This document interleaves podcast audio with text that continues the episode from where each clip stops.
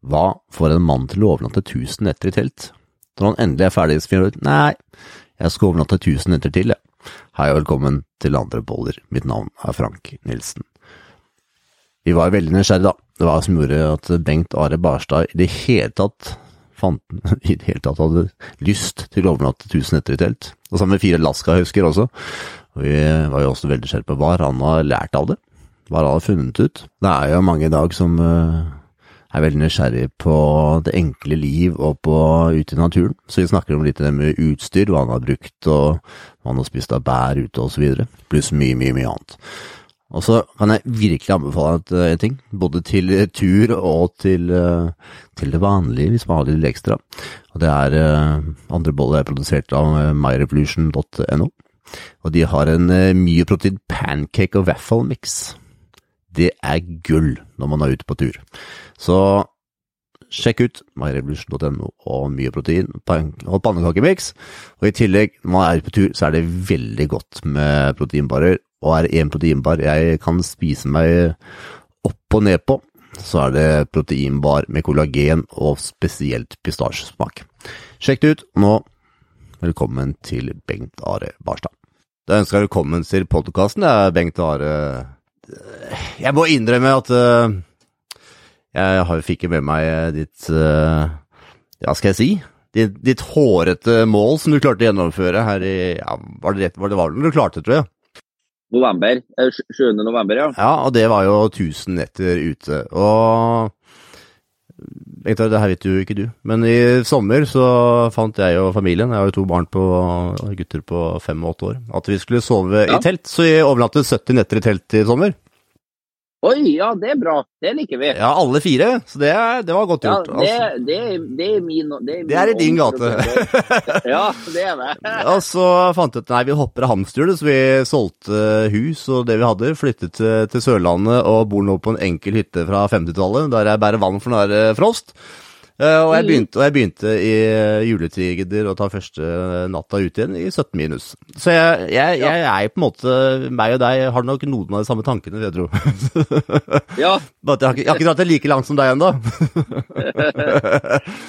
Nei, altså det jeg håper, jeg, håper, jeg håper, Du trenger ikke å ta det så langt som meg, for jeg, jeg, har noe, jeg, har ikke noe, mål om at alle skal gjøre det jeg gjør. Det tror ikke jeg er sunt, for å si det sånn. Nei, men Jeg tror det er mye av det du har gjort som er sunt, men det vil jeg komme inn på litt senere. For jeg har jo hørt flere av podkastene på Villmark.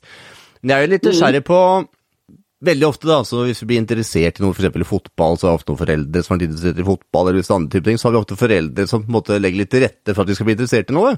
Hadde du en oppvekst der du var veldig mye på tur, eller? Nei, det var nok heller litt motsatt. At de prøvde å få meg litt ifra det. For De så nok kanskje at jeg var Ja. De var litt mer interessert. Jeg spilte jo piano. Jeg skulle lære meg å spille piano lære meg å spille musikkinstrument og litt sånne ting. Uh, begge foreldrene mine er jo lærere, så det var jo liksom skole som egentlig var så det de prøvde å pensle meg inn på, da, at jeg skulle gå skole og ta lang utdanning osv., så, videre, og så, videre. så så den friluftsinteressen min den har nok eh, noe som har ligget latent i meg, og som jeg har tatt fram sjøl. Ja. Og, eh, og, fra ungdomstida så var det, jo, det var jo jeg som tok med min kjære far første turen i Femundsmarka. Da var jeg 16 år. Da var det, var det jeg som dro med min kjære far, for jeg fikk, jeg fikk ikke lov til å dra alene. Ja, det har bra gjort. Og da skulle vi, da skulle vi, være ei, vi skulle være ei uke på kanotur, men etter fem dager så hadde han så gærent hjemlengsel av pappa at det ble bare fem dager, faktisk. så det er ikke av din far du arva dette? Nei, men det ligger nok litt sånn latent i slekta, tror jeg. Min, min, farmor og farfar var jo de var ikke sånn frivillighetsmennesker som meg, at de var ute og sov i telt, men de hadde bygd seg gammel hytte hytte, eller bygde seg hytte rett etter krigen. Eh, som de brukte veldig mye tid på da, var veldig mye ute i naturen eh, attmed Levanger der. da. Så det, det, det, ligger nok i oss alle, egentlig, den naturbiten, tror jeg. Helt, helt klart. Og jeg sa det til, eh, til fruen i stad før jeg skulle prate med deg. At ja. du har jo fått veldig mye oppmerksomhet for den bragden du har gjort. Og noe av grunnen til at jeg tror du har fått det, at det sånn intuitivt så er det det som er riktig for oss mennesker. For mange av oss i alle fall.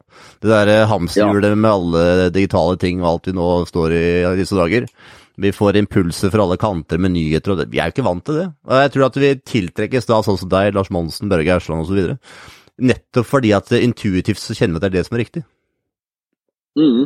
Naturen også, jeg mener ikke Ja, man det- skal overlate tusen etter aleine, men er altså det med naturen.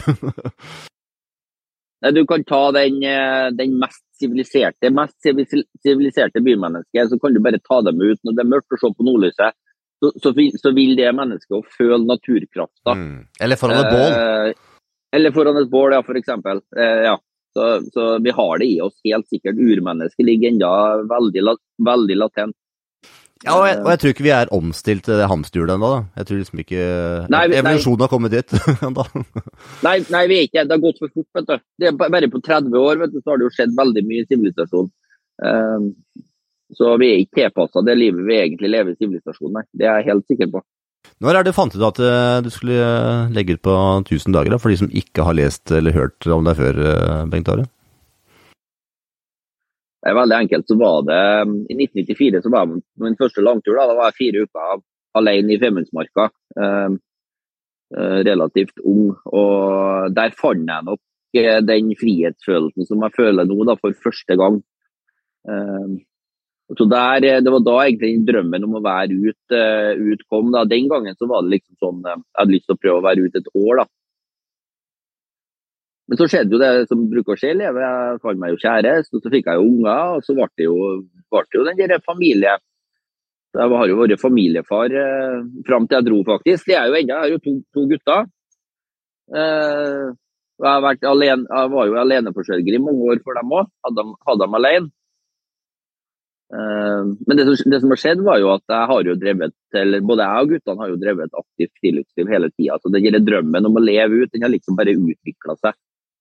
Eh, Men ca. seks år før jeg dro, da, så satt jeg faktisk bare datoen. Eh, den, den dagen der, da skal jeg dra. Eller den dagen der, da, da har jeg satt opp jobben. Og det, var det jeg egentlig hadde planlagt. Den datoen holdt jeg meg til, da. Og Det var 1. juni 2019. Da hadde jeg sagt opp jobben og solgt nesten alle eiendelene mine. Det er kult gjort, da.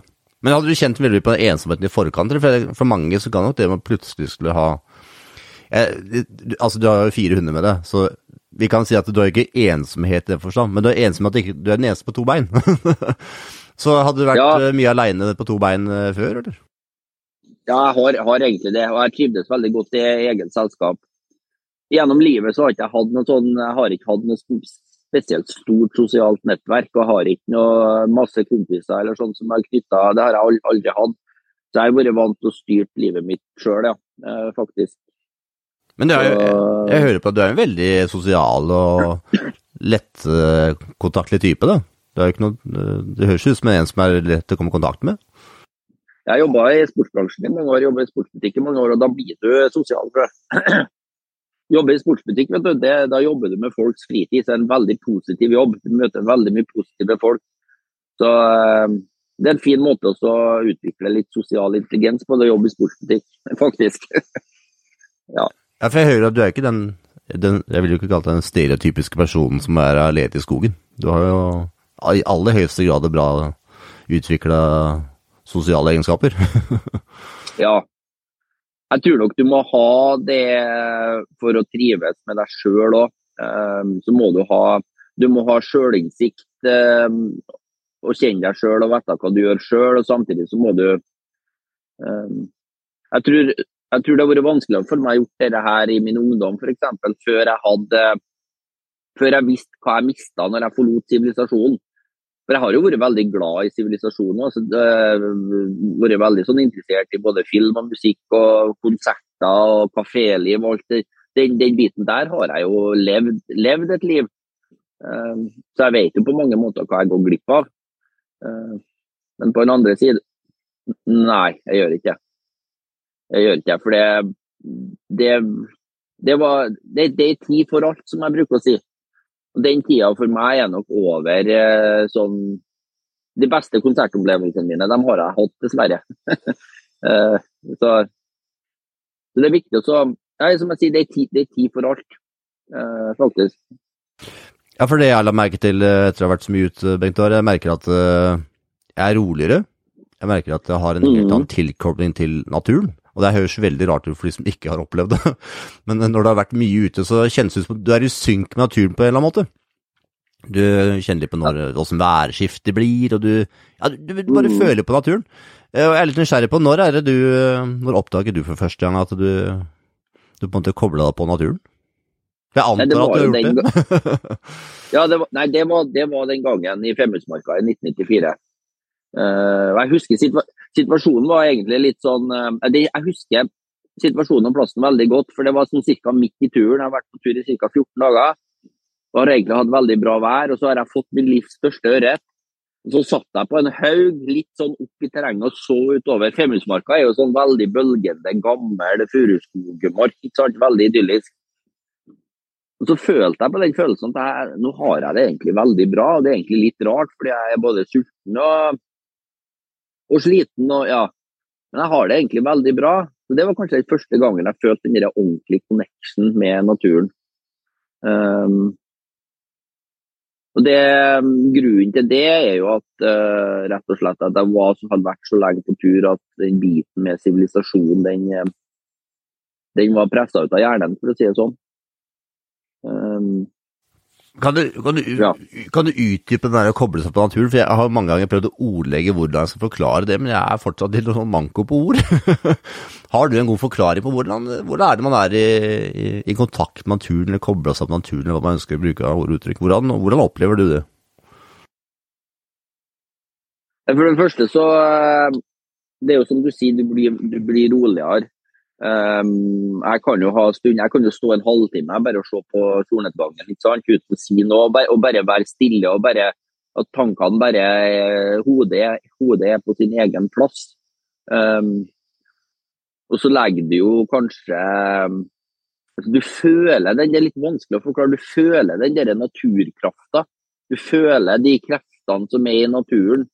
Eh, For det, det er jo krefter. Det er jo krefter i sola, det er krefter i snøen og det er krefter i ja, Ikke sant? Så du føler Du føler den der connection, ja. Eh, Det er som å si at du, du det går ikke an, Hvis du er lenge på tur, så blir du nesten litt sånn religiøs. og Da snakker jeg ikke om Gud og Jesus, og sånn, jeg snakker om na- naturkrafta. Eh, Så Det er litt, litt vanskelig å forklare, men Nei, jeg forstår hva du mener. Jeg har bare Ja. å forklare det til, til andre som ikke har opplevd det, og det er vanskelig å sette ord på. Jeg har jo lest alle Lars Monsen-bøkene, antar at du, hvis ikke du har lest det, Bengt Are, så har du sikkert i hvert fall hørt om personen.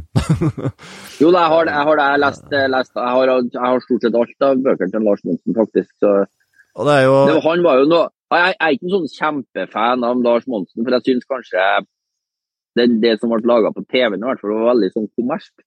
Men da Lars Monsen han, han holdt jo liv i den drømmen min gjennom hele altså, hele tida fram til jeg dro, gjennom barndommen til ungene mine osv. Så, videre, og så, videre. så hun hadde en veldig spesiell opplevelse med Lars Monsen. Jeg har aldri møtt ham personlig, faktisk, annet enn å sett på avstand. Og Det var første gangen jeg tok med ungene mine i Femundsmarka, eh, rett etter at vi hadde flytta til Trøndelag. Bodde, jeg bodde i Tromsø, Tromsø lenge, og så flytta vi til Trøndelag i 2008. Den sommeren så hadde jeg med på ei uke, og det var den gangen han var med, med den der handikap-gjengen. Ja, ja. Da satt vi tidlig en morgen eh, attmed Øvre Roasten, stort vann. Så ser jeg kommer en Elokano i, skikkelig sånn fosspadling. Så var det litt rart, da, for bak på den Alicanoen så hang det et svært kamera. Og så gikk det bare en liten halvtime, så kom jo hele gjengen da, eh, pad- padlende over vannet og passerte oss eh, på kort avstand. Det syns, det syns ungene var stas. sjø. Da hadde vi møtt Lars Monsen. Ja, for det, er- en ting som jeg har eh, tenkt mye på i etterkant. Jeg har hørt en uh, bok til han som var Canada på tvers. Eh, eller på langs, eller pokker der. Er krysning av Canada. Og Mm. han forteller jo i den boken at han eh, møter jo hun uh, indianerdamen. Og hun Ja. indianerdama hun møter han etter at han har hatt en opplevelse med bjørn i, i nærheten av teltet. Og så gjenforteller jo hun uh, indianerdama dagen etter at du har drømt det og sett det ut fra, bjørnens øyne, uten at Mhm. Lars har fortalt med historien. Altså, uh, forteller han flere ganger mellom boka da, at han uh, møter jo da indianere eller innfødte som sier at ja, kanskje kan ikke så lurt å ligge der, for der på en måte der har det vært uh, mm. andre stammer før, eller jeg skal fram til at du opplever du at det er forskjellige typer energier fra forskjellige plasser du er på. Altså merker du forskjeller der Ok, der ligger jeg ikke. Eller der ligger jeg på den plassen. For det er sånn som jeg tolker Lars Monsen uten at han har sagt så veldig mye i de bøkene sine, det er at noen plasser så, så har man energier som ikke er positive, andre plasser har man energier som er negative. Uh, opplever du noe sånt, eller syns du det bare er vuvu? Nei, det er ikke, det er ikke Hubersjø, men det går jo nesten ikke an å snakke om det, for da blir det jo burra inn på lokalet. Nei, det der er jeg driti i. Det er fint at det er bare jeg begge. nei, det er nok mer mellom himmel og jord enn hva, hva vanlig sivilisert menneske oppfatter. Uh, så det, det finnes oss både vesen og skapninger, eller energier, da, som, i, i, naturen som er der uten at vi klarer å verken forske på det eller forklare det ordentlig. da. Uh, så jeg har, mange, hatt mange, sånne møter. Uh, jeg tror ikke de er farlige, da, eller at det uh, Jeg vet ikke helt hvordan jeg skal beskrive dem. det Jeg tror i utgangspunktet ikke at det er noe farlig i naturen, det er vi mennesker som er farlige. så Det er måten, det er måten vi ferdes på som gjør kanskje at en del av de energiene vi møter, er, blir negative. da. Eh, det går jo kanskje litt på det med respekt for naturen. At du trenger ikke å legge deg, ha leir på kanskje, eller bevege deg i, i bestemte områder. Eh, av respekt for naturen, da. Eh, rett, rett, og slett. Eh, det kan jo være flere årsaker til det. Eh, det kan jo være at du forstyrrer eh, skapninger som bor der, sånn som dyr og fugler. Det kan jo være knytta til gamle gravplasser, det kan være my mye rart. Men at det er energier, eller eh, at det er ting i naturen eller rundt oss som, eh, som, eh, som vi kan kalle overtroisk, da, som mange kaller overtroisk, det, det, er jeg helt sikker på. For det har jeg, jeg opplevd mange ganger. Det, men jeg tror ikke du, du, du, trenger ikke å være redd dem. Jeg tror ikke de er farlige. Det går an å kommunisere med de kreftene her jeg bruker, Hvis jeg føler noe sånt, jeg er litt usikker på hva som skjer nå, så bruker jeg snakk til, snakk til naturen. Ehm, kommunisere. Vi er jo laga for å kommunisere, vet du. Ja, helt klart. Ehm, helt klart. det så, jeg, har bare glemt det. Og så er det sånn at vi kan tenke på at det er, det, er, det er, mange ting som skjer vet du, når, når, man er mye, det her vet jo du, når man er mye ja. vekk fra TV og alle stimuli, så tenker man mer òg. det er jo ja, ja, sånn som skjer. Uh, og så hørte jeg en, uh, jeg hørte en podkast her for en stund tilbake, og så sa han det at det, det, som er veldig interessant, det er at før så var jo alle I alle land så var jo alle mørke, mens nå er alle ja. blitt lyse. Ja, så tenkte jeg ja. hmm, ja, det har jo egentlig noe rett i det, for hvis du tenker til alle land, altså i Norge så var det jo samene. Uh, ja. Og i Australia så var det jo var det innfødte der, og i USA så var det de mm. innfødte der. Så de innfødte, da, de har, jo, de har jo hele tida hatt sin tro, som vi da kaller for overtro. Men de har jo vært i disse mhm. landene veldig lenge, og de har jo sin kultur som baserer seg veldig mye på det her. da.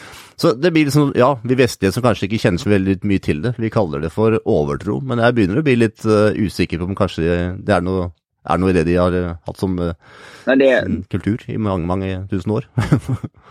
det, det, er helt klart noe i det. og det begynner jo så vidt å forskes på det, ikke på, på, den, på det menneskelige overnaturlige, men i naturen. Det er jo en del naturfenomen som forskerne ikke klarer å forklare. og det, den, det ene er jo alle de store fugleflokkene som synkronflyr. Altså de store stær... Ja. Det, det, har ikke, Selv med dagens datateknologi så klarer de ikke å forklare hvordan fuglene klarer, klarer det der. og de, de, de lager jo sånne mønster på himmelen òg. Da er jo en av, en av teoriene er jo at, eh, at fuglene kommuniserer med tankeoverføring. Uh, og Det har jo skjedd mye, mye forskning på fuglehjernen de siste, bare de siste 10-15 årene. De har jo funnet ut at fuglene har jo like høy intelligens som oss primatene. Uh, så jeg tror nok det at det kommer til å skje en del, som, i hvert fall på, på dyre- og fugleforskning, som gjør at vi kanskje må revurdere en del av de sansene eh, i hvert fall som, som vi bruker. At det, det finnes mer, mer der og enn hva vi, hva vi, kan i dag. For, eh, for eh, på Mentaltrenerpodkasten, Bengt Ari, den som, som du da hørte på. Så intervjuet jeg, var vel i sommer, tror jeg, så intervjuet jeg en eh, Jeg minst husker han er psykolog, ja. Han har jobbet med schizofrene i de, de verste fengslene i USA i 30 år. Mm. Og så fant han jo da ut at eh, de, de schizofrene, de hadde de samme stemmene. Ja. eh, og han eh, måtte jo si fra seg lisensen sin før han skrev en bok om det. da. Og hans teori er jo på en måte at de, de stemmene som de har, er på en måte en, da, negativ energi, da, for å bruke hans uh, uttrykk. Og det var egentlig det Ja. som begynte å, å skifte mitt, litt mitt, mitt tankesett rundt det med, det med negative og positive tanker. Det var etter å ha hørt uh, Ja. og prate med han. For han, uh, jeg tenkte når du har jobbet med de verste av de verste i 30 år, så har du i hvert fall lært noe. og jeg skal ikke, jeg skal ikke, jeg skal ikke le av de erfaringene.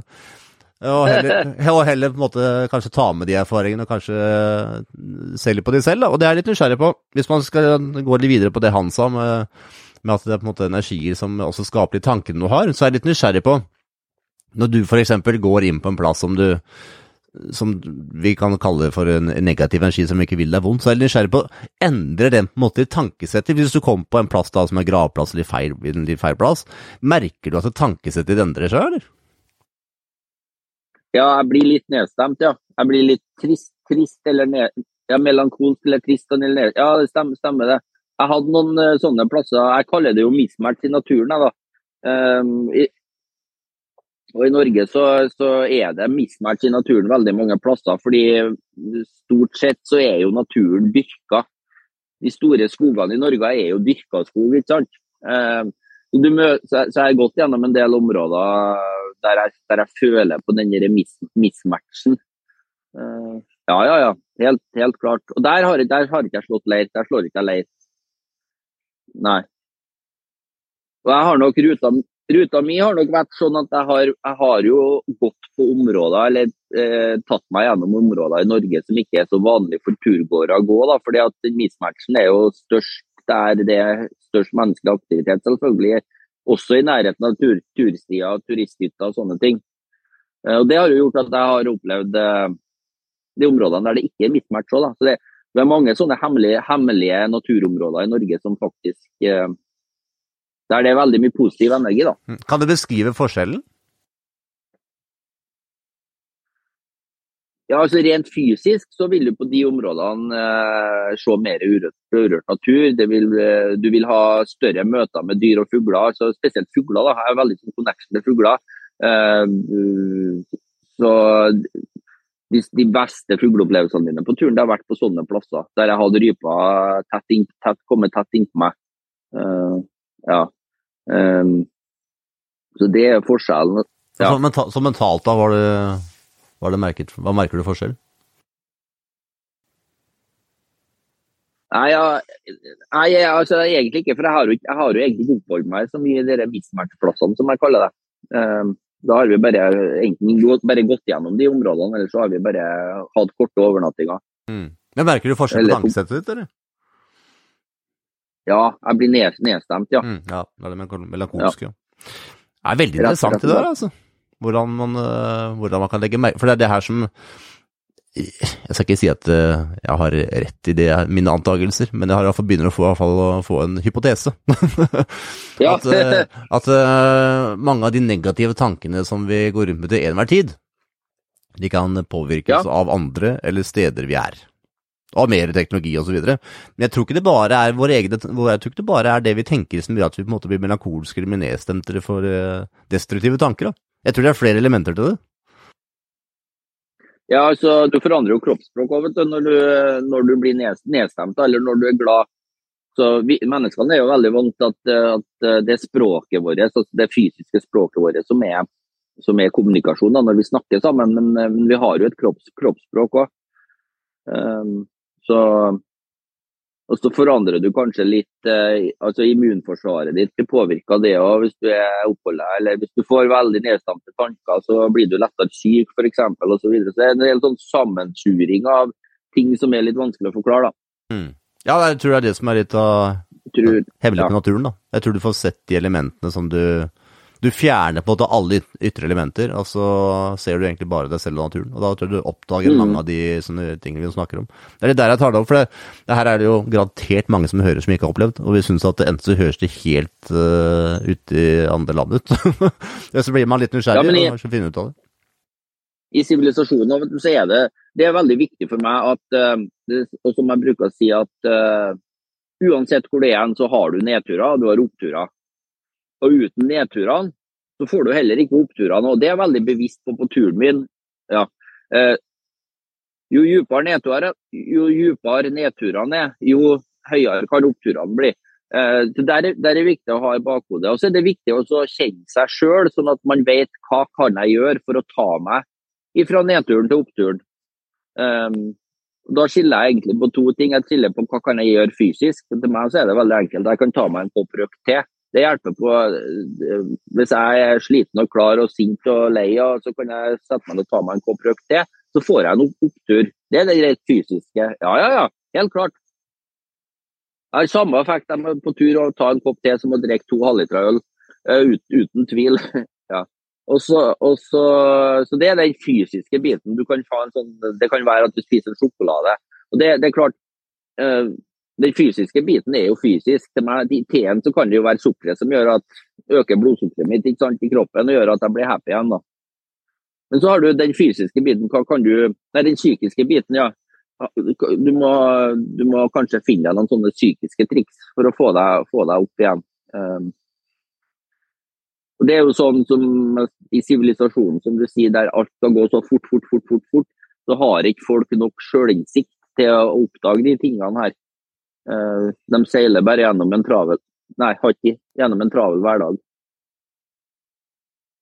Ja, for jeg tror, mange vil, jeg tror mange vil lure på er jo at uh, i dag så er vi jo kjemperedd for uh, å skal kjede oss og ensomhet. Det er jo virkelig skummelt Ja. i disse dager. Da tar fram telefonen, og så sitter du og kikker på den fram til at det skjer et Ja. eller annet igjen.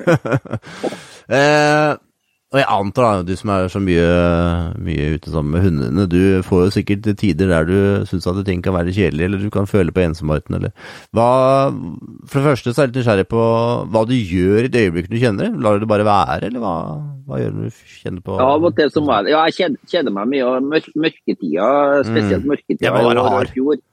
Ja, den, den er tøff. Og da kjeder jeg meg mye, fordi at fordi at, eh, fordi jeg bruker å gjøre til vanlig når jeg kjeder meg, da bytter jeg leit. Da, da flytter jeg området. Så jeg er jo en sånn turnomade blitt, vet du. Så kjeder jeg meg, så er det nå er jeg lei av den plassen her, nå vil jeg ha ny utsikt. Så, så, så forflytter vi oss. Og nå i mørketida så kan det hende at vi bare forflytter oss noen kilometer, og det kan være nok til at jeg får at jeg ikke kjeder meg lenger. da. Så, så, så bare det å skifte litt miljø på, på turen, det gjør at jeg holder den der kjedsomheten på avstand. da. For jeg, jeg føler sånn, Så langt som jeg kommer nå, så kjeder jeg meg likevel. Jeg kan jo ta fram telefonen og lese ei bok på telefonen f.eks. Eller jeg har jo med meg fluebindinga mi, så jeg bretter fiskeflua. ikke sant? Men allikevel, hvis jeg kjeder meg, hvis jeg kjeder meg, så kjeder jeg meg likevel. da. Det er litt vanskelig, vanskelig å forklare. Bare la følelsen være, er vel det du mener, er ikke? Bare du lar den være. Gjør ikke noe med den. Ja. Mm. Ja. er Eller liksom- helst, helst, helst flytte leir, da. For det, det hjelper helt klart å flytte leir. Eh, ja. Jeg har fått en sånn liten teori, skjønner du. Jeg har flere teorier om dagen. Og det er at eh, hvis man bare lar følelsene være, og det her gjelder spesiell frykt, hvis man bare lar den være, så går den over. Men det er det Ja, øyeblikket den vi tar tak i den, som at det skjer noe med den. ja, helt riktig. Du må, du må ikke la føl følelsene styre deg, for å si det sånn. Men det er klart, det, noen føl det kan jo være skummelt å bare gjemme en del følelser. da. Ja, det var ikke det jeg mente. Jeg mente ikke å gjemme de. Eh, Jeg mente bare la det være. Så du må kanskje føle, Mm. Føle litt på den, den frykten, eller hva, Mm, hva det, den følelsen du har. da. Absolutt. Ja. For det, gjemme de var, det var ikke det jeg mente. Det var- Jeg mente ikke å skifte fokus til noe annet, for da graver man det ned. Det var ikke det jeg mente. Men hvis du, Ja, har, ja, ja. hvis du har en negativ følelse, så du ser at den er der, men bare la den være, istedenfor å ta den inn. Ja, du, trenger, du trenger ikke å ta hensyn Du vet at den er der, men du trenger ikke å ta hensyn til. Det, det, øh, det har jo vært situasjoner der jeg har vært redd. Annet den der båtturen min. Jeg seila jo nordlandsbåt, en liten, gammel nordlandsbåt fra Gildeskål til Malangen. Eh, Så jeg rodde jo midt over Vestfjorden, bl.a. Eh, Så på sjøen var jeg redd av og til, og, og den følelsen måtte jeg, som du sier, bare la være. For hvis du blir redd og får panikk, da er du ferdig. Eh, Ja. Det går godt an å bare kjenne på følelsen og så bare la den være der, ja, i bakgrunnen. Jeg tror det er mange som kan synes det er litt sånn skummelt å sove ute, Bengt Are. Har du noen tips til de som er litt redd for at det skal komme mus inn i teltet, eller grevling, eller alle andre slags dyr, eller? Jeg tror det er mange som hører på det, som ikke tør å begynne. For det første, jeg bruker å si det sånn, det farligste du gjør i dag, det er å kjøre bil i sivilisasjon. Det tar livet av mange, mange folk. Det er ingen som er redd for å kjøre bil. Det er helt absurd. Eh, og I naturen så finnes det ikke noe farlig i det hele tatt. Det er ikke noe i norsk natur som kan skade deg, eh, og som er farlig. Så har du møte med ei mus i teltet, så, så, er det egentlig bare koselig. Det, det beviser egentlig bare at du oppnår en connection med naturen. Eh, så man må liksom prøve å tenke over den frykta man har for ting, eh, og, så, og, så, fokusere på er den rasjonell. Er det, er det her en frykt som kan skade meg, eller er det bare er det bare hodet mitt som kødder med meg. Og i 90% av tilfellene så er det jo bare hodet.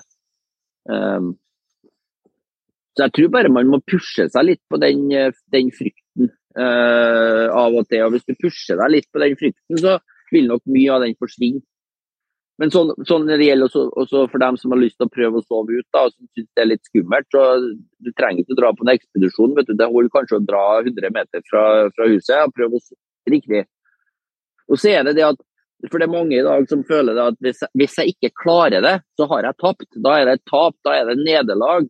Men det, det, er ikke det. Du har prøvd. Det går an å prøve igjen. Um, og du har, en, du har, en, ny erfaring. Jeg tror, det, tror bare at må, man må prøve å pushe seg litt, og så må man ha det i bakhodet at uh, blir det for ubehagelig, så går det an. og så og så avslutte, og så prøve igjen senere. Rett og slett. Ja. Det er, flere, det er, flere, ting som jeg tenker at det er mange som skal sette opp telt, ikke er klar over. Og hva, mm. Jeg tenker det er mange som skal ut på telt, som skal ut og telte for første gang, som hører den her. Du blir kanskje inspirert til å ut og telte for første gang.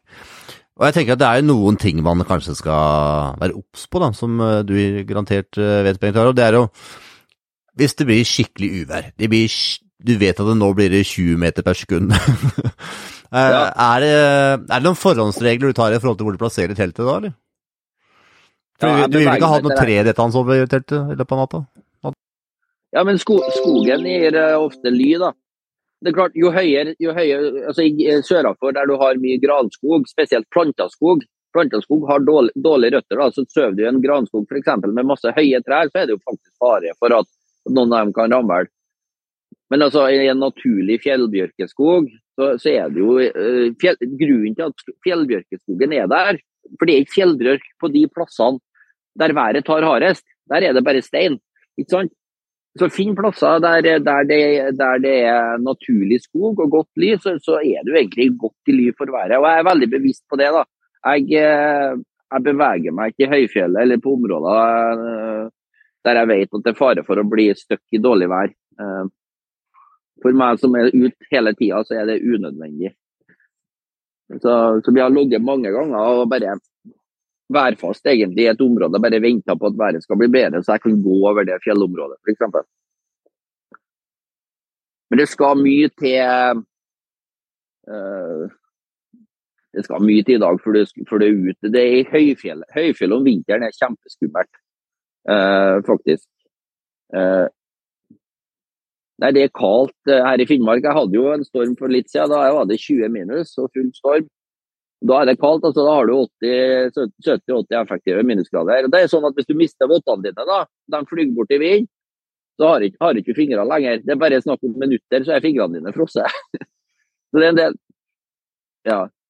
Så det Men det er jo sånn uh, um, jeg, ser jo, jeg har jo møtt en del uh, turfolk, spesielt i Indre Troms i fjorvinter. Som, uh, og det er jo spesielt ungdommer som kanskje ikke har så mye turerfaring. og Så går de på GPS-en når det er dårlig vær.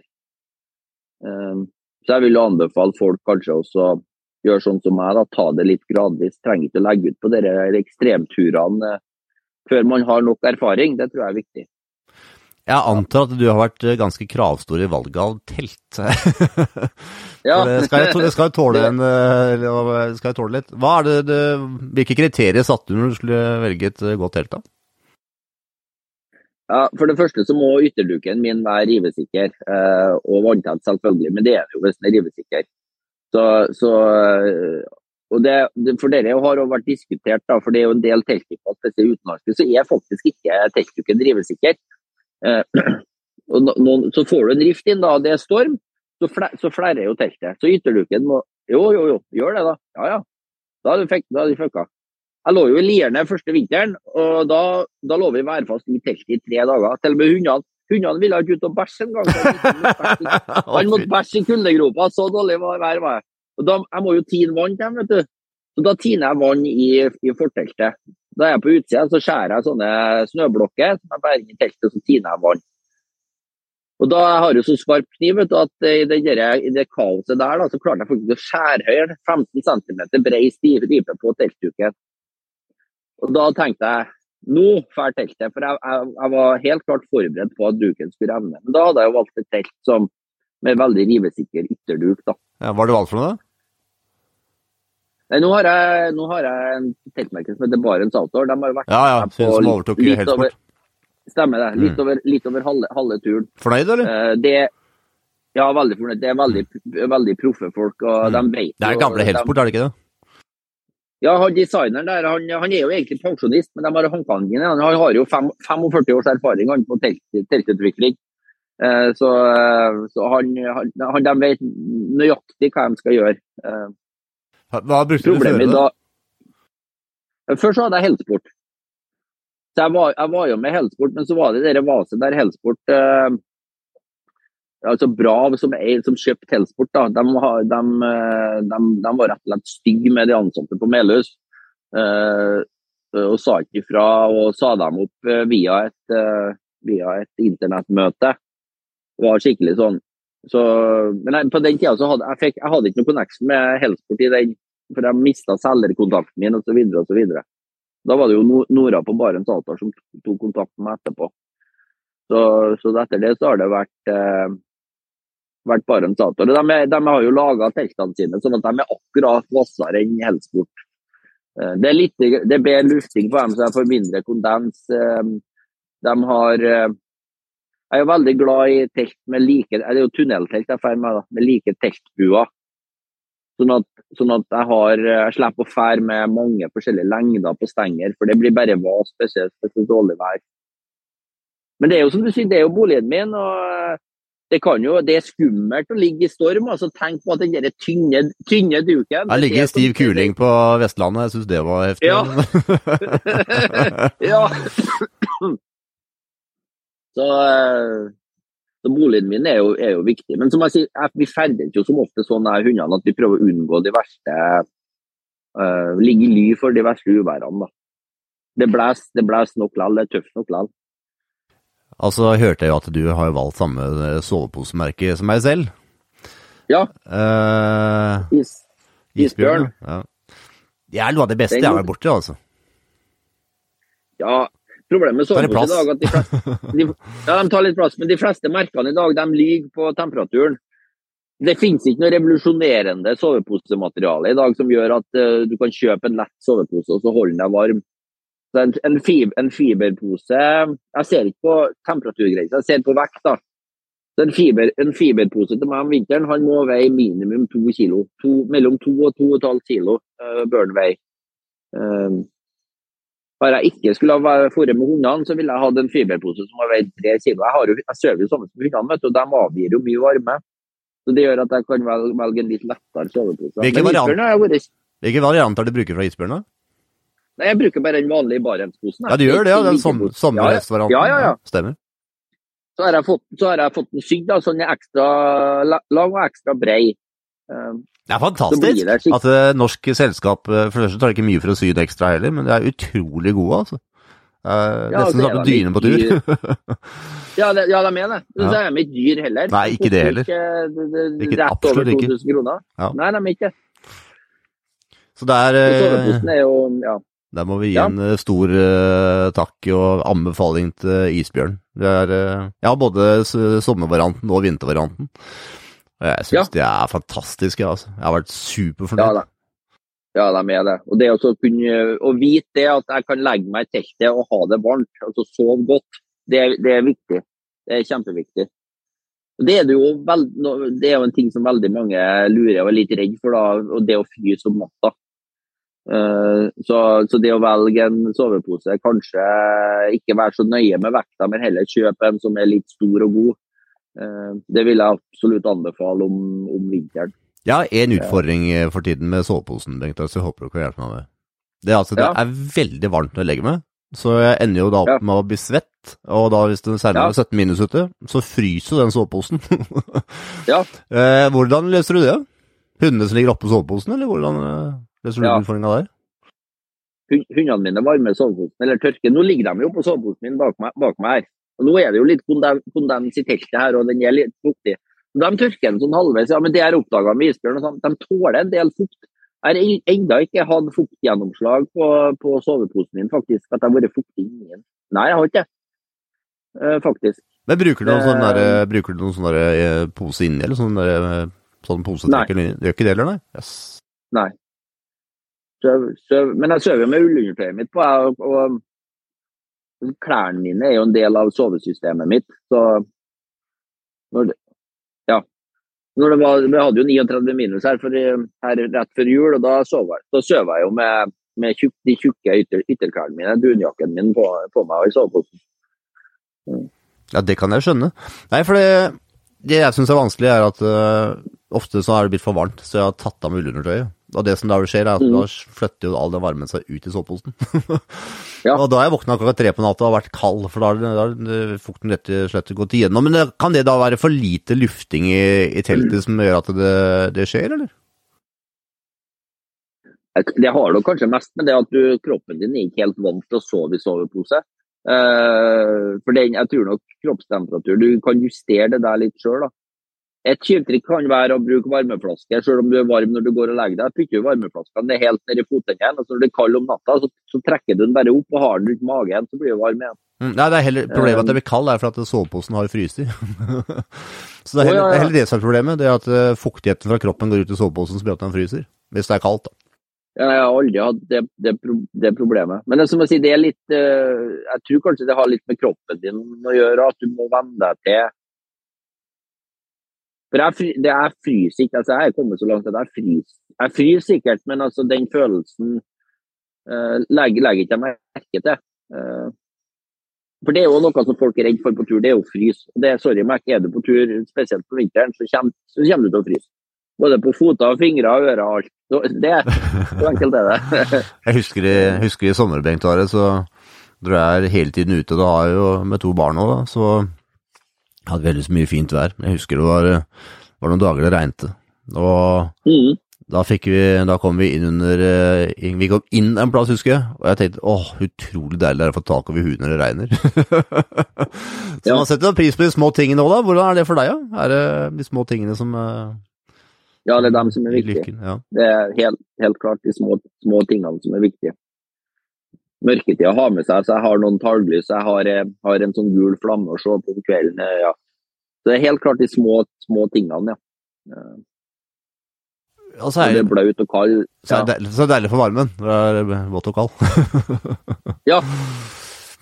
Men det er, jo, det er jo en kunst å bevege seg ut over lang tid òg. Så mm, jeg er jo sånn at jeg, jeg, jeg kan jo ikke bli ordentlig blaut. Altså jeg, så jeg, jeg passer jo på å ikke bli blaut. Om vinteren så går meg aldri helt svett. Om sommeren, sommeren når det regner og sånn, så på det verste været så holder vi oss i ro da, venter til det blir bedre vær. Eh, Rett, rett og slett.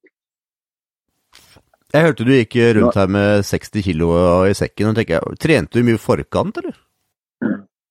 Nei, jeg har ikke noe annet enn at jeg har vært my veldig mye på tur. Men jeg har bestandig båret tung, tung sekk. da. Um, I min ungdom du, der hadde vi jo ikke all verdens til Det var ikke noe Vi hadde ikke det, mest moderne utstyret, for å si det sånn.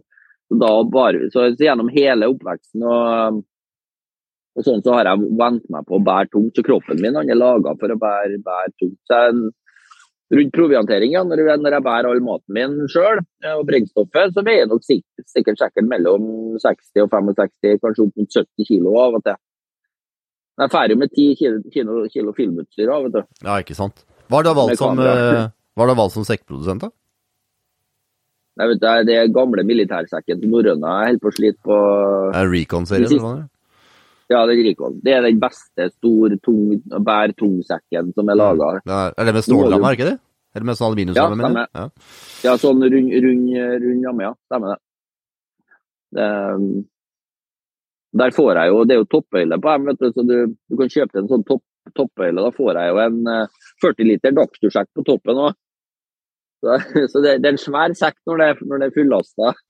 Men du får ikke noe slitasje noe plass? Du får ikke vondt noe, eller sliter ikke med sånt, eller? Jo, jeg begynner, jeg begynner nok å få litt slitasje, både i, i rygg og i Men det er som jeg sier, det viktigste er Jeg har aldri tatt meg helt ut.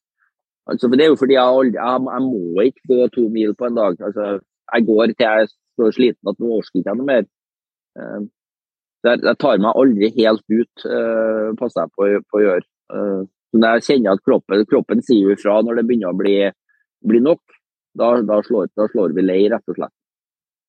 Uh, Hva gjør du for å få i deg nok næring og sånn? For Det er jo en, er et element på veien her, det òg. Du hadde ikke underernært eller Ja, ja næringa er det, det er det største aberet. Jeg har nok hatt tendens til underernæring et par ganger på turen.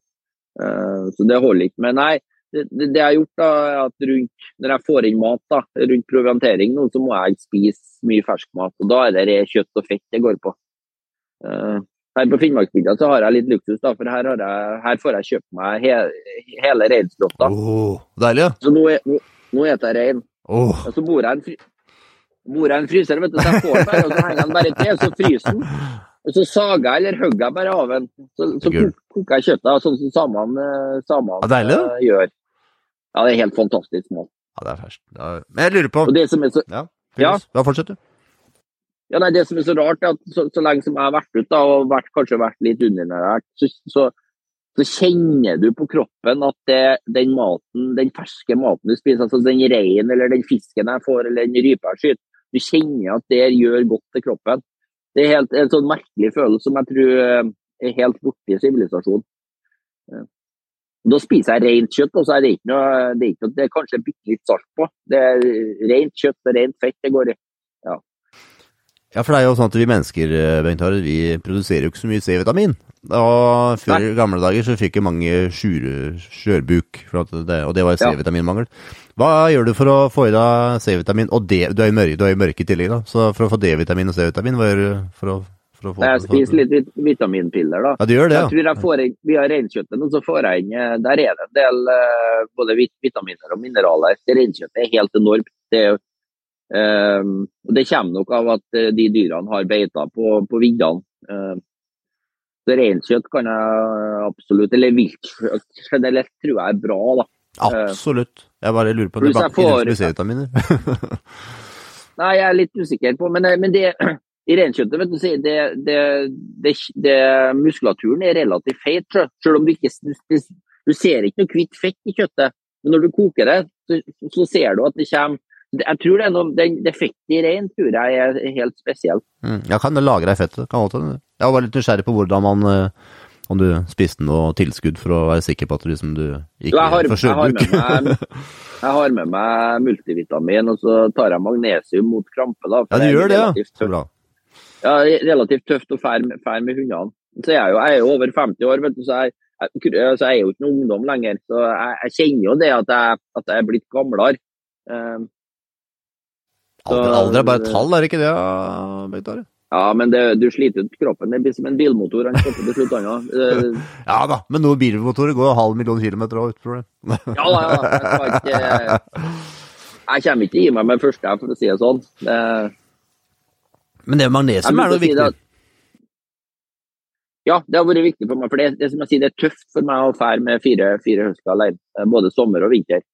Så det å ikke, ikke få, få krampe er Men jeg tror jeg får i meg, for jeg spiser jo mye Jeg spiser jo all fisken og all altså, og bær og Ja, du gjør det, ja. ja bær er det masse C-vitaminer. Ja, ja. Ja, så spiser jeg, spiser veldig mye planter, ville planter. Ja, du gjør det, ja. Ja, ja, ja. Det har jeg gjort hele, hele livet. Jeg går og gnafser både syre og granskudd og Ja, du gjør det, ja. og bjørkes. Ja, ja, ja. Så bra. Ja. Men tar, tar, du, tar, tar du sevje og sånn fra bjørka òg, eller? Nei, jeg har ikke gjort det. Det. Det er noe som alle har vært vant til, egentlig. De spiser disse musørene altså rett før bladene kommer helt ut. Så er det jo veldig mye planter du kan spise. da. Det er bare pytt i munnen og, og spise, egentlig. Eh, Ja, vi kan så lite om Det det. ja, det, heldigvis er det ikke så veldig mange planter i Norge som er kjempegiftige. da. Det er noen få. Mm. Uh, Det er, hunde, det er hundekjeks og en til, er det ikke det? Det er noen svært få. Ja, men hundekjekser er veldig skummelt. for eh, det, det ligner, jo på en del andre planter som, er, som ikke er gift. Ja. Jeg hadde jo sånn, jeg lærte meg jo der i min ungdom jeg kunne smake på planter. og få teste dem da mot, for gift. Eh, ta, ta dem i munnen og tøgg så vidt på dem og spytte ut igjen. og så Kjenn om du får reaksjon på tunga. Du får som oftest reaksjon i Som oftest, ja. Det, ja, det finnes en del planter der du jeg har faktisk eh, Jeg holdt på å tabbe meg ut, for jeg har faktisk smakt på tyskbast. Som kanskje er en av de mest giftige plantene. Tyskbast er jo, ser ut som en sånn litt sånn uh, forkløpla, halvhøy busk, og så har den, har den eh, oransjegule bær. Det ser veldig god ut, de bærene. Altså. Men de bærene er jo dødsgiftige. vet du. Spiser du sånne, så er du, så er du ferdig. Den tøgde jeg så vidt på, og så kjente jeg på tunga. Tunga dovna, dovna jo helt bort. Jeg fikk det som halvveis reaksjon gjennom halsen òg, vet du. Den skjønte jeg fort var Den, eh, den, den Ja, den holder vi oss unna. Men det var, det var en fin metodikk, for jeg har den derre ja, hva er den boka? Jeg har en tjukk bok som er eh, planter du kan spise i naturen. Jeg husker, jeg husker dessverre ikke hva den heter. Det er en tjukk, hvit bok med alt mulig slags eh, oppskrifter og hva du kan spise i naturen. Uh, jeg tenker at det, vi har jo et sånn skikkelig matfat ut i norsk natur ja, som vi på ingen måte benytter oss av. Vet, Det er forferdelig spesielt. Det, bær, altså, det er jo nesten ingen som plukker bær lenger. vet du. Det er jo et fantastisk matfat. Det er bra for oss som plukker, da. Ja, for oss som plukker det er bra, men eh, det er jo det er mye bær som råtner på rot. Ja. det er det sånn. Mye gratismat. Så det er jo, ja, så det er utnytt eh, Nei, det er, mye, det er mye du kan spise i naturen, ja. Absolutt. Men går du og Eh, knasker på blåbær og alt som du finner Ja, ja. der? Våren, våren så kan jeg spise eh, Knoppene på blåbærlyngen er jo kjempegode. De, de, ja, sånne, ja, ja, sånne spirer. Når, når ting spirer, det kan du ofte spise. Det er jo, det er jo pak, pakka med C-vitamin. Uh, jeg er veldig glad i granskudd. Det er nå ikke mye gran oppi der, de områdene jeg er ferdes i sist. Kjempegodt. De kan du spise. De, det, det, de er jo veldig sure, da. Det jeg anbefaler, er å putte dem i kaffekjelen, og så trekker du te på dem. Ehm, faktisk. Da tror du at det der smaker litt sånn eh, best eh, granaktig. Det er nesten sånn kjøttsmak på den teen. Det er eh, helt, helt Ja, og sopp, da? Plukker du mye sopp og sånn på høsten nå, eller? Jeg er for dårlig på sopp, eh, dessverre. Jeg studerte jo biologi lenge, vet du, så jeg, har egentlig jeg har, har mange vekttall, som det het den gangen, i biologi. Så jeg har alle, alle feltkursene eh, innenfor biologi på universitetet, bortsett fra sopp og lav. Sopp, og lav er jeg litt dårlig på. For det sopp òg er jo veldig interessant. Ja, men sopp, det, sopp er det lite energi, da.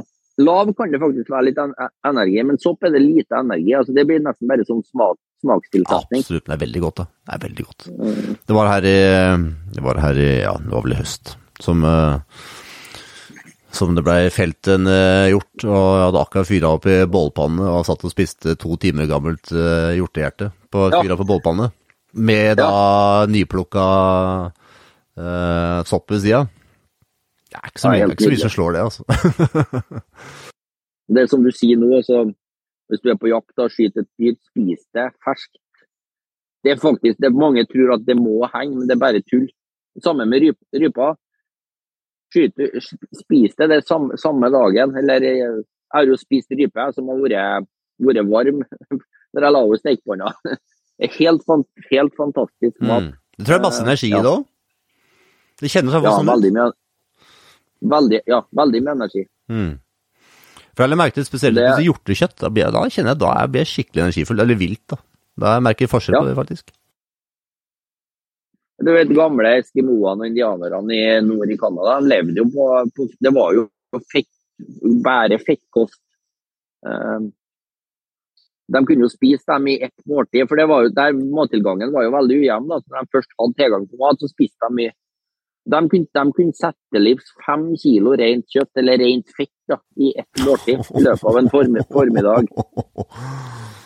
Ja, lykke til på da hadde de eh, ja, problemet da, vet du, fordi at de, nyrene dine takler ikke. For det, det er så mye eggehvitestoffer i kjøttet når du spiser så mye. De hadde en helt spesiell te, uten at jeg vet hva det var. Det er mulig det var Saga, jeg har ikke peiling. Så de drakk, de drakk vin på liv. Ja, Saga er godt. Det har vi jo mye av i Norge, faktisk. Det er ingen som vet hva det er, da. Alle tror at det er rå, råtesopp på en bjørk, men er Ja, Han ser ikke noe sånn uh, behagelig ut når du ser deg, men uh, trekk te på. Trekk te på går kjempefint. Jeg har gjort det lite grann, ja. Har jeg gjort. Det, nei, sånn, jeg drikker jo røkt te. Lap, lap, ki, ki- kinesisk røkt te heter for laps, lapsang. Ga, gammel, tradisjonell kinesisk te får du på du drar på en sånn vanlig tebutikk. Litt stor tebutikk, så, så finner du det. Benytter du da rosenrot og sånn på turen, eller? Ja, hender jeg tygger rotenrot, ja. Ja, det er godt, det. Ja, Det er best. ja, den er best, men, men eh, går an å tygge på den og spytte den ut etterpå? Du får jo den safta. Det er fin, det er fin eh, energikvikker, da. Eller kan Ja. være. Den er vel adaptogen, så den, eh, enten så blir du trøtt av den, eller så blir du energisk. Det er vel Ja. Ja, det, det er en del av de plantene du kan få litt sånn effekt av. Så, noe inneholder jo På gauksyre eksempel, så, så inneholder jo den en, egentlig en hjertemedisin. Så spiser du for mye av den, så påvirker hjerterytmen din. Det er noen du det er en liten, liten hvit blomst. Bladene på den blomsten ser ut som en uh, trekløver. I, ofte, i, ofte litt tett uh, furuskog. Blomstrer tidlig på våren. Smaker litt sånn søt, syreaktig. Uh, men ikke spis på kilos, kilosvis av den, for da begynner hjertet ditt å hoppe litt. Jeg hører jo det, Bengt, at du må jo begynne med sånne kurs, du, bare vi kan spise naturen. Ja, men jeg er ikke, jeg eh, Jeg kan for lite, syns jeg, til å kunne holde sånne kurs.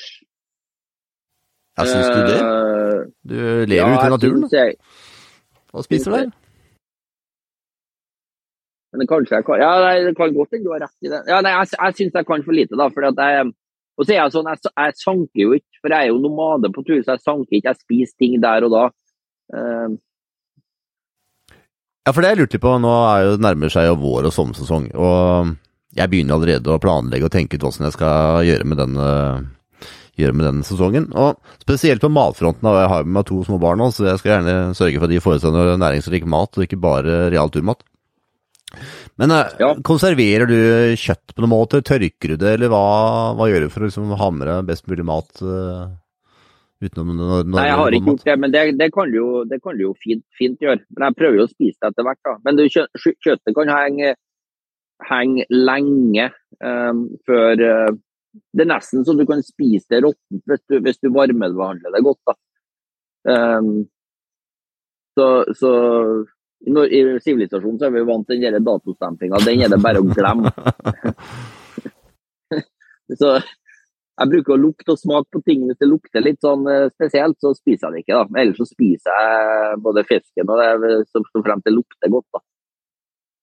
Men jeg prøver å spise ting etter hvert, ja. Og Det gjorde jo urbefolkninga. urbefolkninga og det er klart, De tørka jo en del ting, da. Men eh, i og med at jeg forflytter meg hele tida, så har jeg ikke anledning til det. da, For da må du ligge i ro.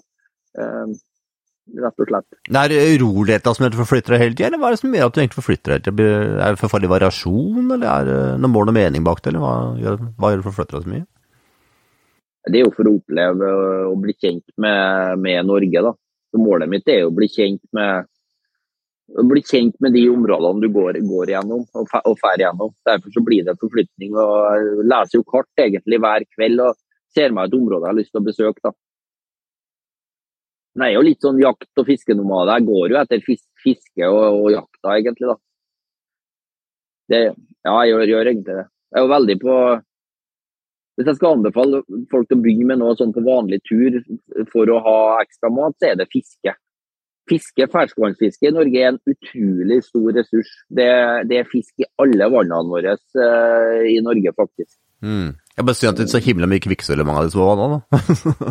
Men kanskje ikke der du ferdes? Ja, Ja, du, du, trenger ikke å spise fisken i Mjøsa, nei, men er du på fjellet, så tror jeg det, da, da skal du spise mye altså, før du begynner å få, få merke det kvikksølvet. Mm. Ja, for har du merka noe av noe slag av noe på tur, eller? Har du merka noe nei. Mange frykter for den der flåtten, vet du. Den flått, eller hva du kaller det der oppe. Det er, det er nei, det, ja, det, er, det, det, det er jo det de er redd for, men sjansen, sjansen, for, uh, altså, sjansen for å utvikle sykdom og flått er så liten at at det, ikke, det, det, finnes ikke noe i norsk natur som du, som du, trenger å være redd for. Men flåtten er jo litt sånn uh, Jeg oppholder meg ikke i områder med flått i verste flåttida. Da er jeg i høyfjellet, og der er det ikke flått.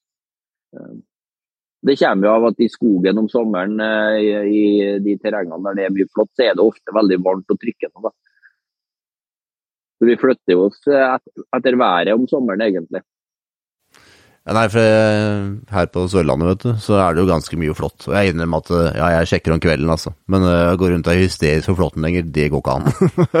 for de er det mange av. Jeg hadde, jeg hadde sørafor, når jeg bodde der, da, så hadde jeg, hadde jeg ca. et flåttbitt i året uh, på, på, meg. da. På hundene på slutten, jeg tror jeg plukka på hundrevis. Men det er som jeg sier, du kan ikke gå og være redd. Nei.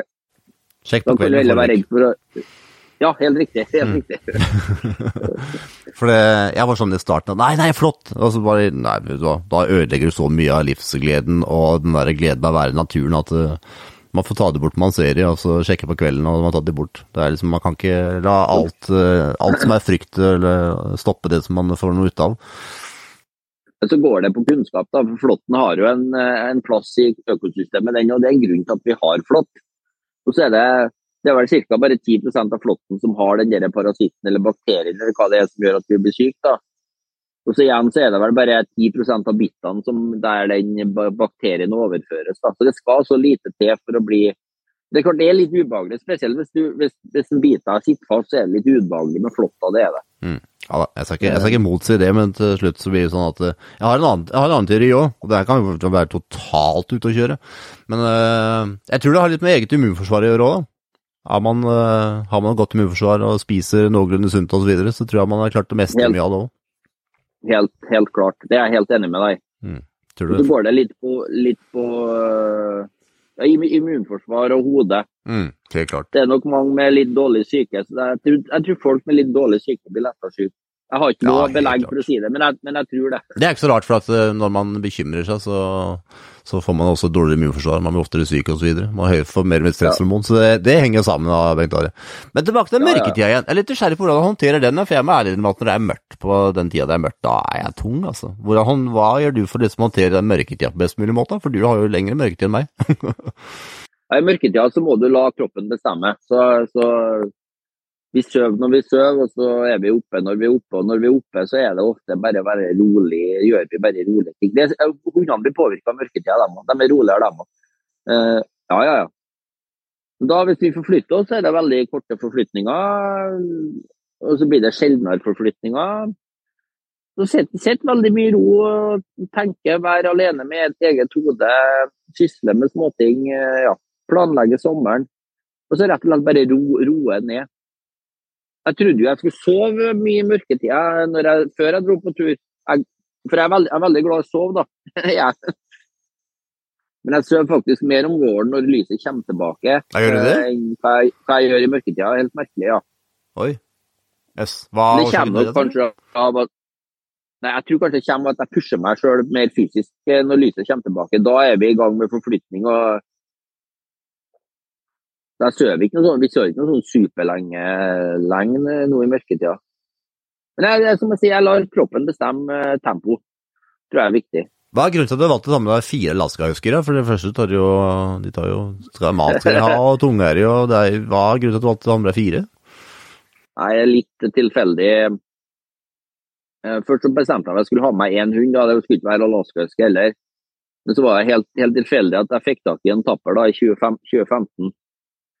Og så fikk jeg en, og så tenkte jeg Alaskahusker er litt sånn at de blir veldig fort ensomme. da. Så, så, du bør egentlig ha, ha to, spesielt hvis du er i jobb og sånn, eh, og ikke kan være sammen med hund eh, hele tida, så bør du ha to. Da blir de ikke ensomme. da. Så fikk jeg tak i en til, da. Eh, et for strid. Og han, han da, da, begynte det å bli artig å stå på ski, vet du. Uh, de trekker godt osv. Så, videre. så tenkte jeg tre, det må jo være fint. Med litt tung pulk og sånn. Og Så fikk jeg meg tre, da, og så fant jeg ut at det var akkurat litt lite. da, Så ble det fire. Men det er, det er tungt å fære med dem. Ja, veldig tungt. Det, det, er veldig fysisk krevende å fære med fire lastfisker, spesielt på sommeren når vi går. da.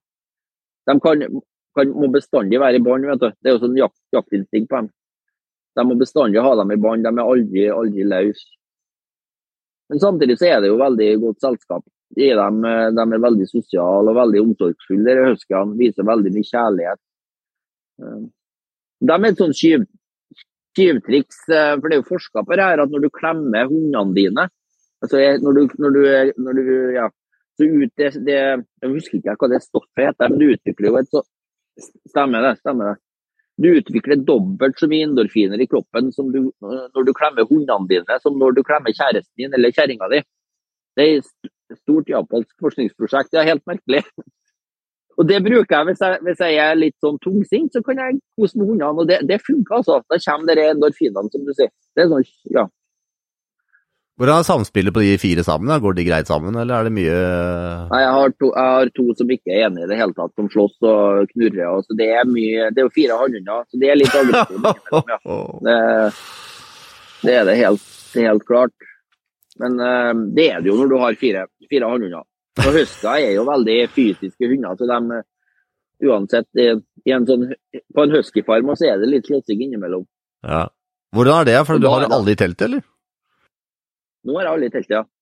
De slåss lite i teltet, da. Da er det litt knurring. De, de vil jo egentlig ikke slåss, vet du, for uh, da blir de jo skada. I teltet så knurrer de litt og kan være litt glefsing og sånn, men det, det, er bare én gang de har røkket sammen i teltet. da.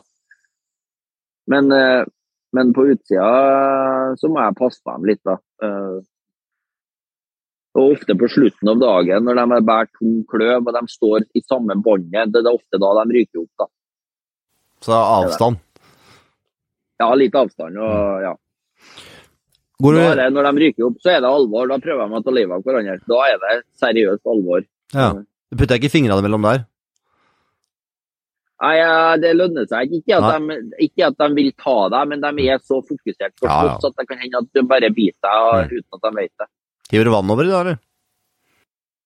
Jeg prøver å skille dem og spenne dem. Jeg, jeg går jo med en vandrestav, så jeg er vant til å bare bruke den vandrestaven så bare vippe dem bort.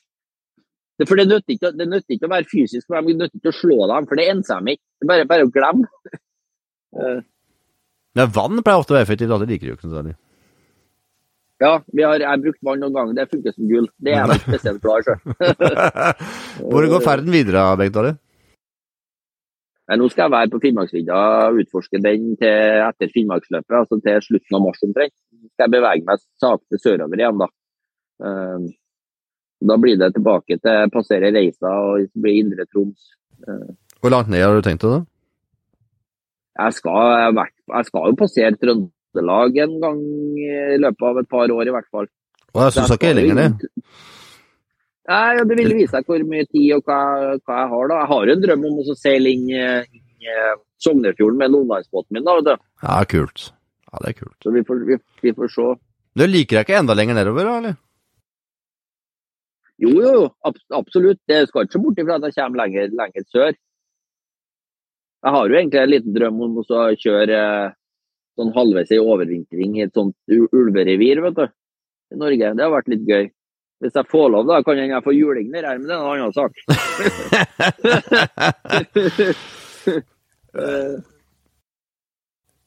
hvor er det man kan Hvor kan man følge med på turen din, Bengt? Du har jo flere plasser man kan følge med på turen din, du? Ja, du kan følge meg både på Instagram og på Facebook. Det der er det jo gått over nå da, til 2000 dager ute. Og så har jeg en TV-serie på naturkanal1.no. Eh, den gamle TV-serien min var jo, første sesongen var jo ferdig før jul. 106 episoder med 1000 dager ute. Og så starter jeg 2000 dager ute. Nå starter jeg eh, nå i disse tider, faktisk. Jeg lurer på om det er 6. februar. Men du finner jo Naturkanal 1 på en del av de lineære kanalene. På Alente og Altibox og Um, Naturkanal 1 er jo en, en uh, helt nyoppstarta naturkanal. så de, de, er litt, de er litt lite kjent ennå, men det, det, kommer nok til å endre seg litt. Seg. Det kommer seg garantert. Ja, det er mange som er ute i naturen, Bengt Are. Det er iallfall helt sikkert. Ja, det er mange som er ute i naturen, men det som jeg sier det, jeg, jeg kom ned fra, fra Dividalen i midten av juni i fjor, og så gikk jeg opp Reisadalen og så opp på Finnmarksvidda. Så fra midten av juni til midten av september så møtte jeg tre personer i fjellet inni her. Fordi jeg bevega meg i de områdene som ikke var Så det finnes plasser i Norge der det faktisk ikke er så mye folk òg. Det er kanskje noe folk kan, kan eh, utfordre seg litt på. Dra på plasser. Trenger ikke å følge den DNT-stilen bestandig. Lære seg å lese kart og um, bruke terrenget, rett og slett. Ja, det er viktig det. Å ut litt ut av den eh, sikre sonen. Jeg må takke deg så mye for tida, Bengt Are. Ja, nei, nei, jeg har god tid. Nå er vi på eh, nå er vi akkurat kommet oss ut av mørketida, og så fremdeles er det litt sånn rolig, da. Det her er sånn vanlig, vanlig morgenstund til meg, det har det jo vært med på nå. da, Det er å ta en kopp te og en kopp kaffe, kanskje litt avhengig av å være litt alene med hodet. Nå har jeg jo snakka med deg, da. Ja, altså Da blir det iallfall en liten gaveforkobling etterpå. For nå, nå, ser jeg ut i vinduet, Bengt og nå kommer sola opp her på Sørlandet. Så nå, nå kjenner jeg at nå skal, nå skal jeg ut i sola. Snart her. Og jeg får ca. en time med sol i dag, ser jeg. Oi! Ja, da må det nytes. Men jeg har, jeg har ti minus jeg, da, og litt vind her, da, så det er surt. da. Ja, ja her er det seks varmegrader i dag, så her skal det solbades. Ja. ha, en, ha en fin dag, Bengt Are. Ja, tusen takk. Prates vi. Ha det bra. Ja, vi gjør det. Ha, ha det.